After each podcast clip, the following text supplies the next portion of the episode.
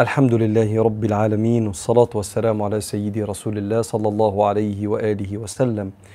اللهم صل صلاة كاملة وسلم سلاما تاما على نبي تنحل به العقد وتنفرج به الكرب وتقضى به الحوائج وتنال به الرغائب وحسن الخواتيم ويستسقى الغمام بوجهه الكريم وعلى آله. بسم الله مكملين مع حضراتكم لايف يوم السبت وخاطرة يوم السبت. اللي بنتقابل فيها كل يوم الساعة 9 وبنعتذر لحضراتكم تأخرنا شوية النهاردة. بنحكي فيها أو بنشرح لحضراتكم بعض الحكم العطائية. كتاب الحكم العطائية كتاب للإمام الكبير أحمد تاج الدين ابن عطاء الله السكندري متوفى 709 هجريا. كل الحكم اللي فيه بتاخدك لراحة القلب وسلامة الروح وسكينة النفس وإنك تفوض أمرك لربنا سبحانه وتعالى. فتقوم باللي مطلوب منك وتعمل اللي عليك وانت مستقر ومستريح إن في إله بيحسن تدبير شؤون حياتك.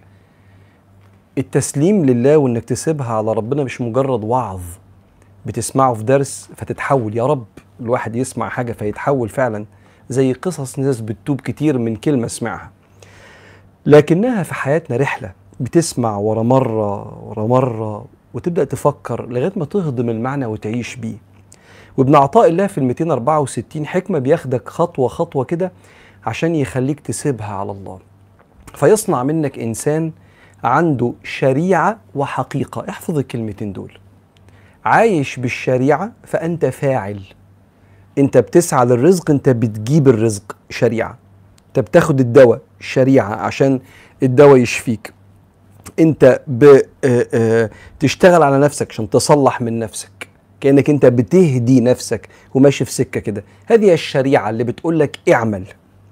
والناحية الثانية الحقيقة أنت لا شيء. أنت لا شيء. قل إن الأمر كله لله. وما تشاءون إلا أن يشاء الله رب العالمين. إليه يرجع الأمر كله. فاعبده وتوكل عليه. خدت بالك من اعبده؟ اعمل اللي عليك. وتوكل عليه بقلبك. سلمها لله. أو إحنا في رحلتنا دي يا رب نستمر مع بعض وربنا يدينا الإذن كده لغاية ما نخلص الحكم العطائية بالمناجاة اللي وراها. كلام من الجنة. هنوصل إن شاء الله مع بعض للحال ده. حكمة النهاردة سيدنا تاج الدين ابن عطاء الله السكندري بيقول مطلب العارفين من الله الصدق في العبودية والقيام بحقوق الربوبية. مطلب العارفين من الله الصدق في العبودية. والقيام بحقوق الربوبية. واحدة واحدة اتفقنا إن الحكم العطائية ألفاظها صعبة بس بالشرح كده زي ما العلماء علمونا بتسهل وتبقى بردا وسلاما على القلب كده. هو إيه أحسن حاجة تطلبها من ربنا؟ هي أحسن حاجة تحقق لك مصلحتك. مفيش عاقل في الدنيا يقول أنا عايز من ربنا حاجة تأذيني ولا عاقل في الدنيا يقول أنا عايز من ربنا حاجات نص نص. أنت لما بتخش أي محل أو بتروح أي مكان عايز منه حاجة لنفسك أنت بتدور على أحسن حاجة. ولو قدامك الحسن والأقل حسن أو الحسن والأكثر حسن وعندك القدرة بتجيب أحسن حاجة. مفيش حد في الدنيا بيجيب أي كلام كده وخلاص. يبقى ما يعرفش مصلحة نفسه. فأنت لما تطلب من ربنا اطلب من ربنا أحسن حاجة تنفعك. حلو الكلام. وهي أحسن حاجة تنفعني مين اللي يعرفها؟ أعلم حد. بحالك ومصلحتك. مين أعلم حد؟ قالوا ربنا. فلو أنت ليك مطلب عند ربنا اطلب منه يعينك على اللي طلبه منك. ليه؟ لأن عقيدتنا بتقول إن ربنا ما بيطلبش حاجة لنفسه. ربنا ما عندوش غرض عندوش مصلحة. اما ربنا ليه مكلفنا بالصلاة؟ هي الصلاة دي لينا؟ أيوه. والصيام ده لينا؟ أيوه. والصدق ده ده من غير الصدق لما الكذب انتشر إحنا كرهنا بعض يا جماعة. ما بقيناش نثق في أعلى الناس تعليما وأبسط الناس تعليما ممكن ما تثقش في عالم الدين وما تثقش في الراجل العامل البسيط اللي بيصلح لك ساعتك ولا عربيتك. بسبب لما تشك في صدق اللي قدامك. يا نهار أبيض. أيوه يا فندم. لا تثق في الطبيب اللي بيعالجك ولا تثق في الشخص البسيط اللي بيعمل لك حاجة بسيطة بيساعدك فيها. ده إيه ده؟ آه اختفاء حاجة ربنا أمرنا بيها. لما اختفت الأمانة بقينا بنتعامل غالبا إن كلنا مشبوهين قدام بعض إلا من رحم الله. لما بتختفي الأمانة ما بيننا. فاللي ربنا بيؤمر بيه مش بيؤمر بيه اولا عشان هو ما يعرفش. فإحنا بنثبت له. لا أنت كده بتقول كأن ربنا بتمر عليه لحظات عدم معرفة. فأنت عايز تثبت له عشان يتأكد. ده مش ربنا. أو علشان لما تعمل كده ربنا عزته وعظمته تزيد زي ما إحنا لما بنساعد صاحب الشركة فيبقى وين وين سيتويشن أنا اساعده يحقق الارباح ويديني جزء من الارباح مرتبي فهو كسب وأنا كسبت واننا مبسوطين إحنا الاثنين متعشيين. لا ربنا مش محتاج اي حاجة. انما طلباته كلها لك. اما هو فلا ينتفع لا بطاعة ولا يضر ولا يتأثر سلطانه إن كفر كل العب- العباد. وبالتالي مطلب العارفين. آه اللي عرفوا الحقيقة بقى. اللي عنده رحلة في الحياة كده وفي الآخر عرف. عرف إيه؟ إن كلام ربنا هو أنسب حاجة وأسعد حاجة وأسكن حاجة لاوجاعي ومخاوفي وآلامي. وما انتشرت كثير من الأوجاع النفسية والمخاوف والقلق في الكون ده في العالم ده إلا بسبب كبير جدا منه البعد عن ربنا والبعد عن السكة اللي ربنا قال عليها. وأغلب المدارس حتى مدارس السيكولوجي نفسها مدارس علم النفس لما تيجي بتساعد الشخص جزء منه بيبقى مساعدة عن طريق الروحانيات. إنك تبقى تتسق مع مصدرك. فإحنا كمسلمين مؤمنين بالله ورسوله واليوم الآخر. مصدرنا كله هو كلام ربنا. فلما الإنسان يتسق مع مصدره حل أحوال كتير جدا بتنصلح في حياته؟ وأوجاع كتير جدا بتختفي من حياته. إحنا إحنا دي عقيدتنا. وبالتالي مطلب العارفين الصدق في العبودية. آه يا رب. ارزقني ان أنا مش عايز حد تاني غيرك. ليه يا شباب؟ لأني لما أعمل أي حاجة فيها عبادة لله وأنا مش صادق إني عايز رضا ربنا بدور على رضا حد ببقى بيبل بليزر زي ما بيقولوا كده بدور كده على حد إيه ينبهر أو يعجب بيا أو آخد مصلحة من حد. العبادة دي مش بتأثر فيا راحت للي أنا ابتغيت وجهه. ويوم القيامة ربنا هيقول لي روح اطلب من عنده الأجر. اذهبوا. لمن كنتم تراءون من أجلهم هل تجدون عندهم الجزاء؟ أو كما في حديث النبي عليه الصلاة والسلام فأنا عايز أبقى صادق مع الله أنا بعمل ده لله. فلما البني آدم يعترض لله ولا بتعمل سين عشان يبان إن أنت فاهم لما يوافق لله ولا بت بتجاري حد عشان عايز عايز منه حاجة لما ينام لما يصحى كله معاك أنت. قل إن صلاتي ونسكي ومحياي ومماتي لله رب العالمين. لا شريك له وبذلك أمرت. أنا متصالح إن ده الوظيفة بتاعتي عبد لله. بل شرف ليا إن ربنا سبحانه وتعالى عمل لي قيمة واتكلم معايا وقال لي اعمل يمين شمال ونصحني بعلمه سبحانه وتعالى. فمطلب العارفين من الله الصدق في العبودية. وإيه كمان؟ والقي والقيام بحقوق الربوبية. كان دايما سيدنا الشيخ يقول كده الرب رب والعبد عبد وهناك فارق بين المخلوق والخالق. حفظها لنا كده الرب رب والعبد عبد وهناك فارق بين المخلوق والخالق. ده إيه ده؟ آه في رب. لما يقول افعل شيء معين قلت لك ما عندوش غرض وإحنا مش أصحاب. فلما يقول لي أما نشوف ربنا عايز كان عايز حاجة مننا لا لا. لسه كان سيدنا الشيخ النهارده بيتكلم عن جماهير الناس اللي زعلانة من ربنا. فكان بيشرح لنا فكرة الزعل من ربنا دي إشكاليتها مش بيلوم على حد بيشرح يعني. إشكاليتها إن ربنا معانا كده صاحبنا كده يعني إيه فزعلانين منه. لا الرب رب والعبد عبد وما قدر الله حق قدره. فأنا نفسي أقوم بحقوق الربوبية. إيه حقوق الربوبية لما يأمرني بحاجة أقول له سمعنا وأطعنا. ولو ما قصر أقول له حقك عليا أنا ضعيف. عني اللهم أعني على ذكرك وشكرك وحسن عبادتك. وما اروحش بعقلي اللي هو خلقه جوايا اللي ممكن لو نقطة في مخي وقفت أفقد الذاكرة وأقعد ما أعرفش أقوم ولا أعرف أتكلم ولا أفتكر أنت مين وأنت حبيبي وأخويا وعشرة عمر بقالنا خمسين سنة ولا أربعين سنة نعرف بعض. ما أفتكركش لو نقطة وقفت هنا. فأنا بعقلي ده بقول لربنا بس الحتة دي مش مظبوطة محتاجة تتظبط. عشان كده إحنا مش مبسوطين بسبب الحكم ده ولا الحاجة دي. حتى الإنسان لما يبقى مش قادر يفهم حاجة من كلام ربنا يا جماعة يروح للعالم يقعد تحت رجله يقول له علمني. وربنا ليه قال كده. ويسأل سؤال المتعلم مش سؤال المعترض المستنكر لأن المستنكر المعترض على الله فيها حتة كده من سوء الأدب فالإنسان بيحرم نفسه من التعلم. عكس لما تقعد تقول أنا الحتة دي مش فاهمها وأنا عارف إن ده كلام ربنا. بس بصراحة لما سمعته كده في قلبي كده في تساؤل فقول لي يا مولانا أو قول لي يا أبويا قول لي يا والدي يا أخويا أي حد من الناس اللي أنت بت بت بت بت بتعمل لهم قيمة سواء كان والدك ولا حد من أصحابك المتعلمين متعلمين بس أهم حاجة أو شيخك. وبالتالي القيام بحقوق الربوبية لما الأذان يأذن في الفجر الصلاة خير من النوم. مش واحد صاحبنا من ده علينا ربنا.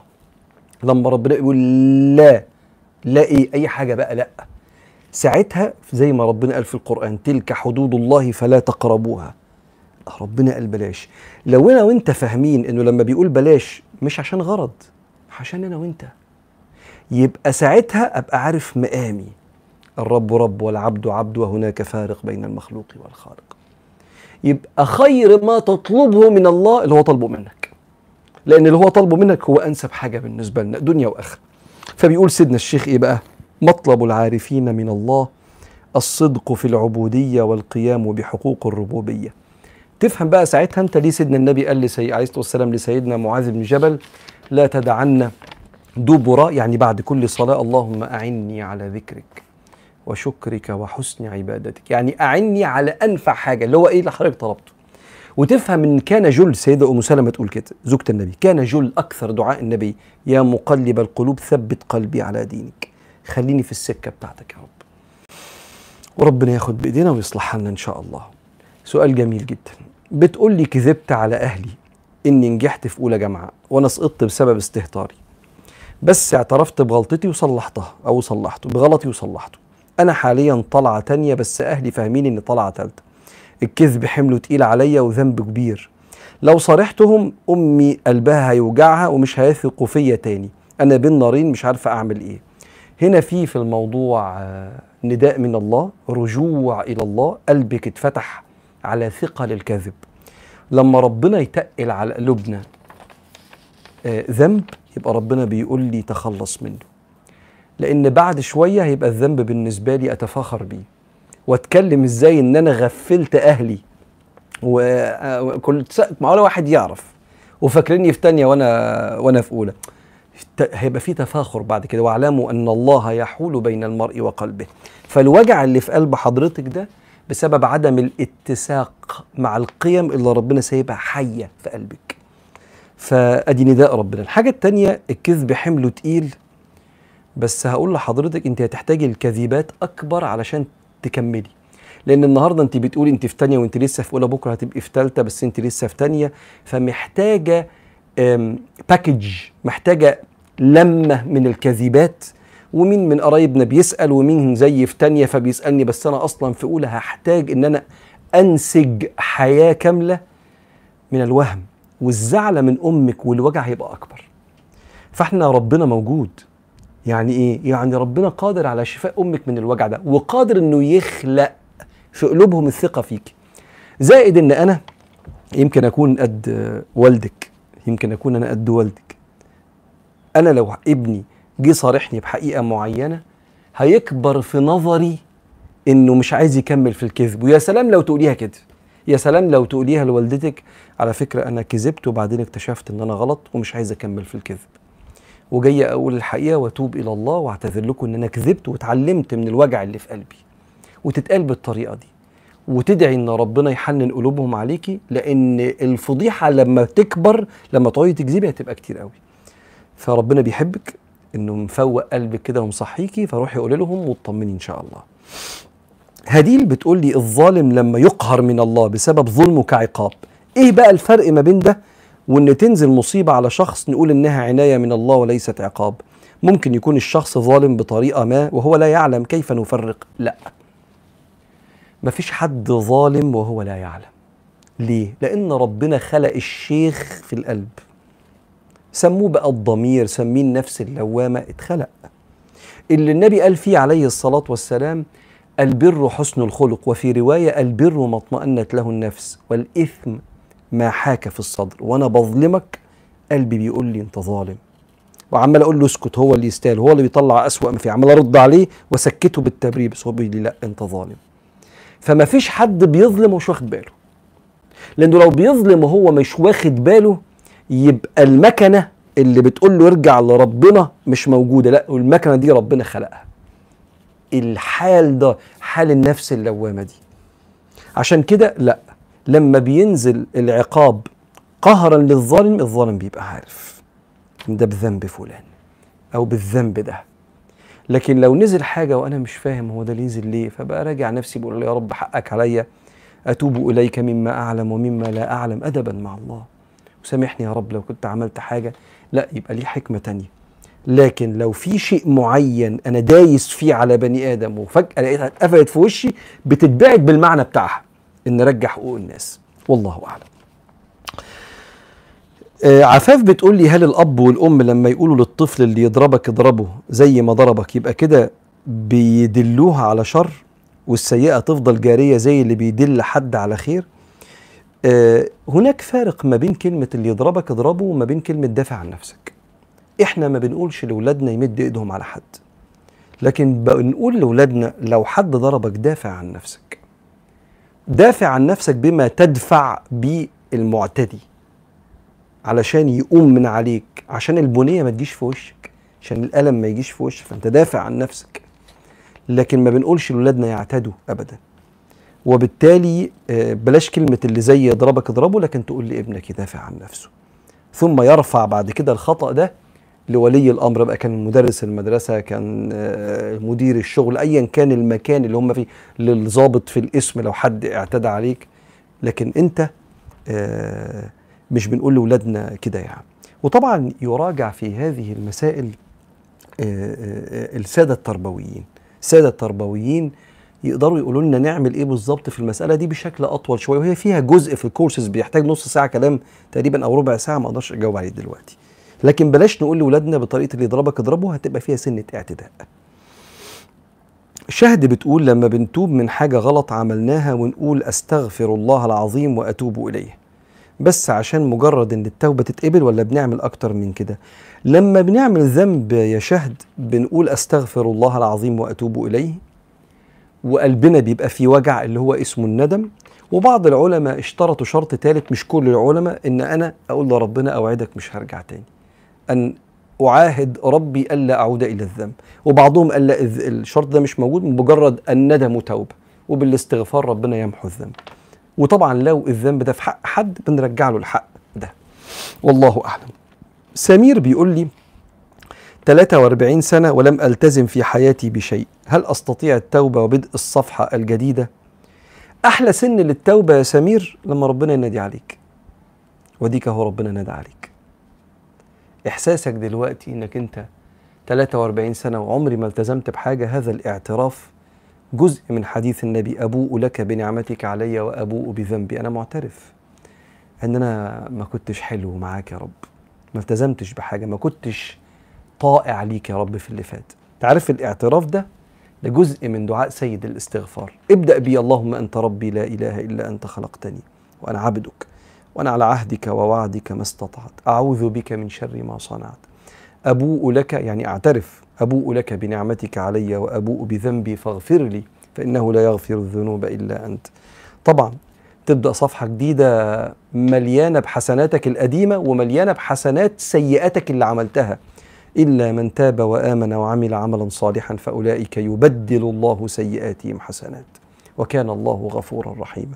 ولو في حقوق انت عارفها أخد أخدها من حد يبقى رجعها يا سمير. ربنا يتقبل منك ويحشرك في زمرة التائبين. ابني ضربني وهو عنده واحد وعشرين سنة. آه كلمة للأب وكلمة للابن.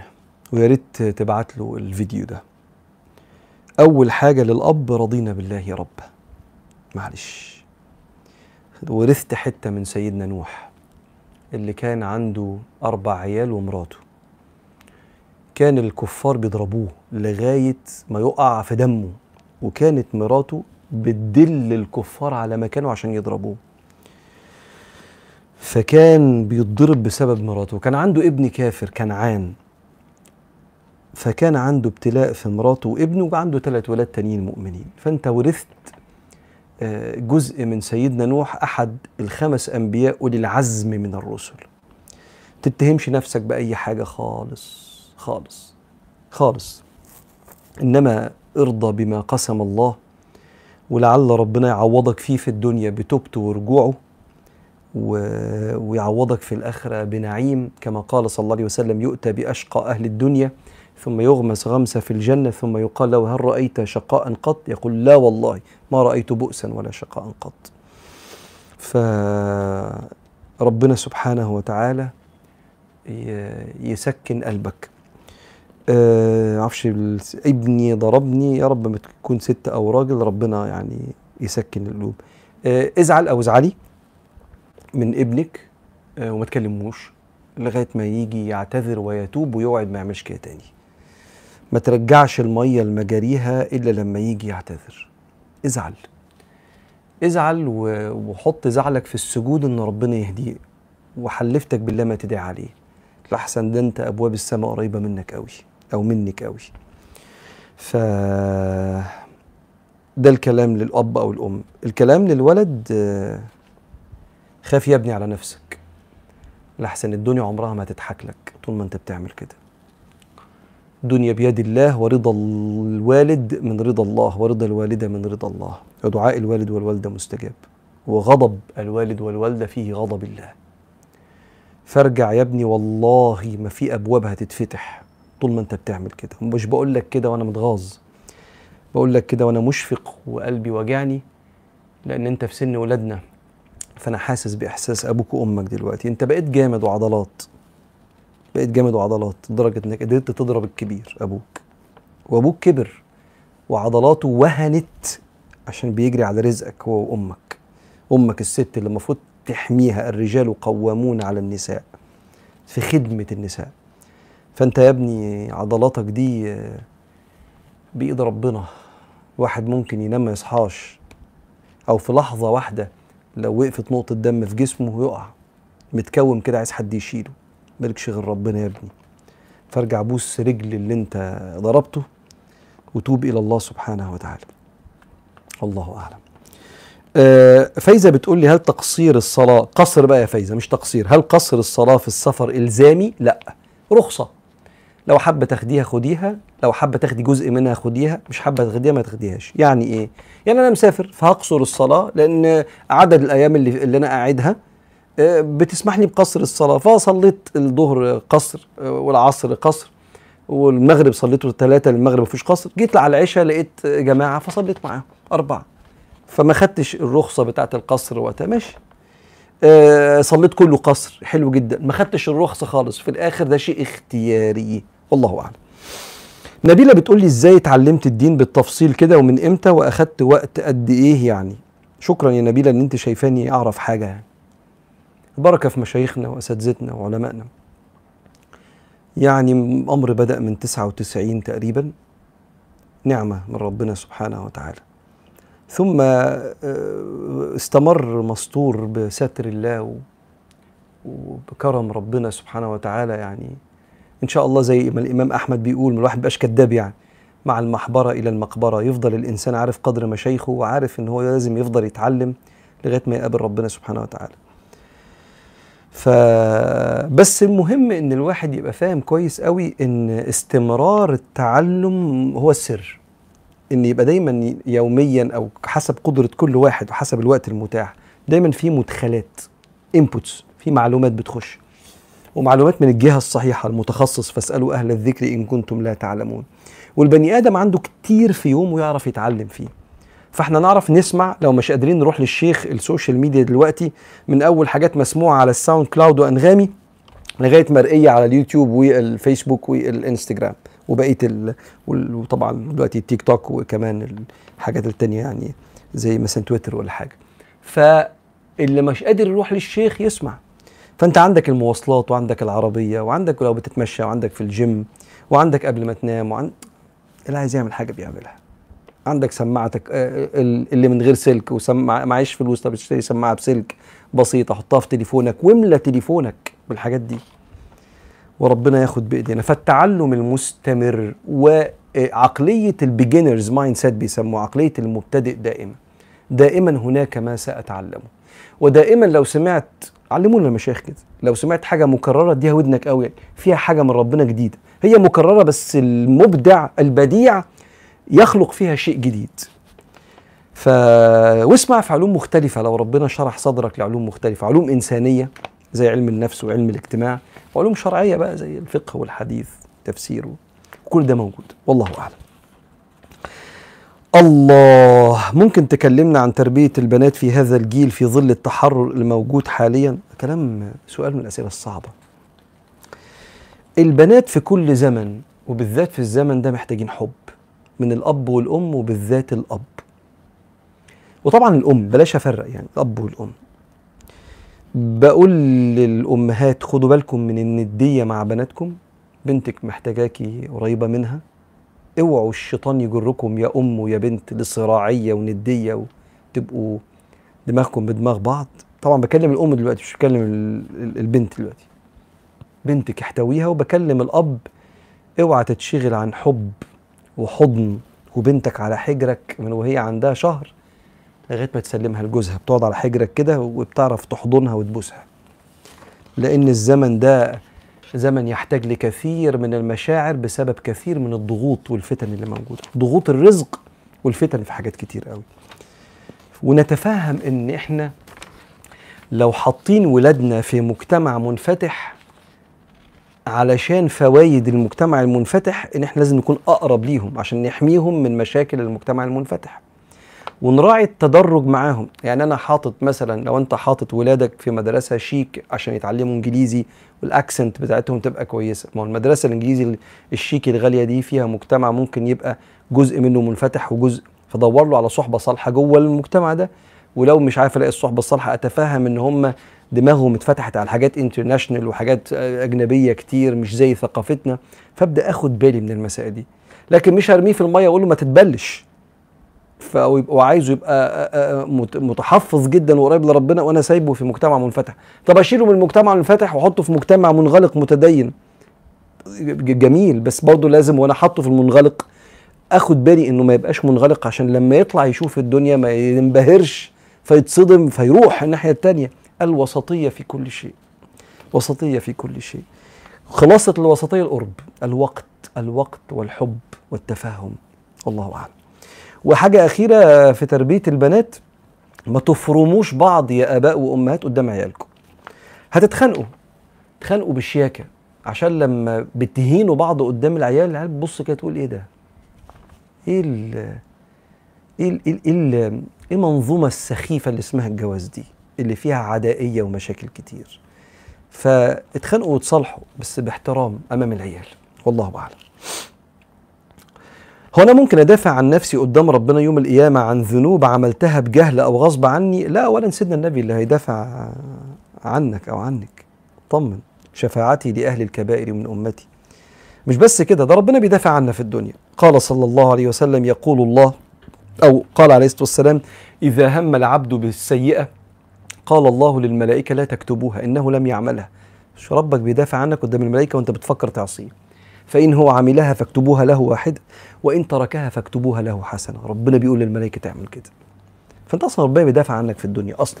ومسخر لك الملائكة الذين يحملون العرش ومن حوله يسبحون بحمد ربهم ويؤمنون به ويستغفرون للذين آمنوا. أنت ربنا مشغل لك حملة العرش يستغفروا ليك. رايحين عند رب كريم ونبي شفيع. عليه الصلاة والسلام. الله. كيف الإنسان مخير والأحداث والأقدار بتسوق الأفعال معينة أو تغيير مسار حياته رغما عنهم؟ في سلسلة الطريق اللي بتيجي كل يوم حد الساعة 9 بالليل بنشرح فيها العقيدة من ضمن أركان الإيمان في العقيدة الإيمان بالقدر. فريت نسمعها لأن فيها كلام عن المساله دي محتاجه 10 دقائق ربع ساعة كلام فاسمعوها في سلسلة الطريق. وعدني بالجواز وسابني بحجة إنه زهق. كان في تجاوزات مش كبيرة وأنا وثقت فيه وبعد كذا شهر اتعرف على حد وخطبها بعد سنة ونص من انفصالنا. هل لي حق عنده؟ أنا بفضل أدعي كتير وما بيحصلش حاجة ما بيحصلوش حاجة. خايفة أصلا ما يكونش ليا حق. أنا موجوع قلبي ونفسي ربنا يفتكرني. والله أنا تبت. لو يفتكرني يعني يموتني لا ربنا يبارك في صحتك ويعوضك بحد يستهلك ويكرمك. يفتكرك بقى بإجابة الدعاء ده هو إن شاء الله زمانه أجاب الدعاء بس أنت يعني إيه محتاجة تاخدي بالك من الموضوع ده. وعدني بالجواز لو ما كانش في إطار شرعي يبقى الحق اللي كان ليكي عنده إنه لما يجي يعتذر يعتذر باحترام حتى لو كانت علاقة محرمة. اتنين كانوا يعرفوا بعض في علاقة محرمة وبعدين واحد اكتشف إنها حرام. مش هيقفل تليفونه ويعمل بلوك هيقول لها بعد إذنك إحنا كنا بنحب بعض بعد سنتين ثلاثة أنا اكتشفت إن ده مش صح استأذنك هنبعد عن بعض. وإنت ليكي كل الإحترام وكل الحب ودي عشرة بس أنا عرفت اكتشفت إن ده غلط فاستاذنك هنبعد.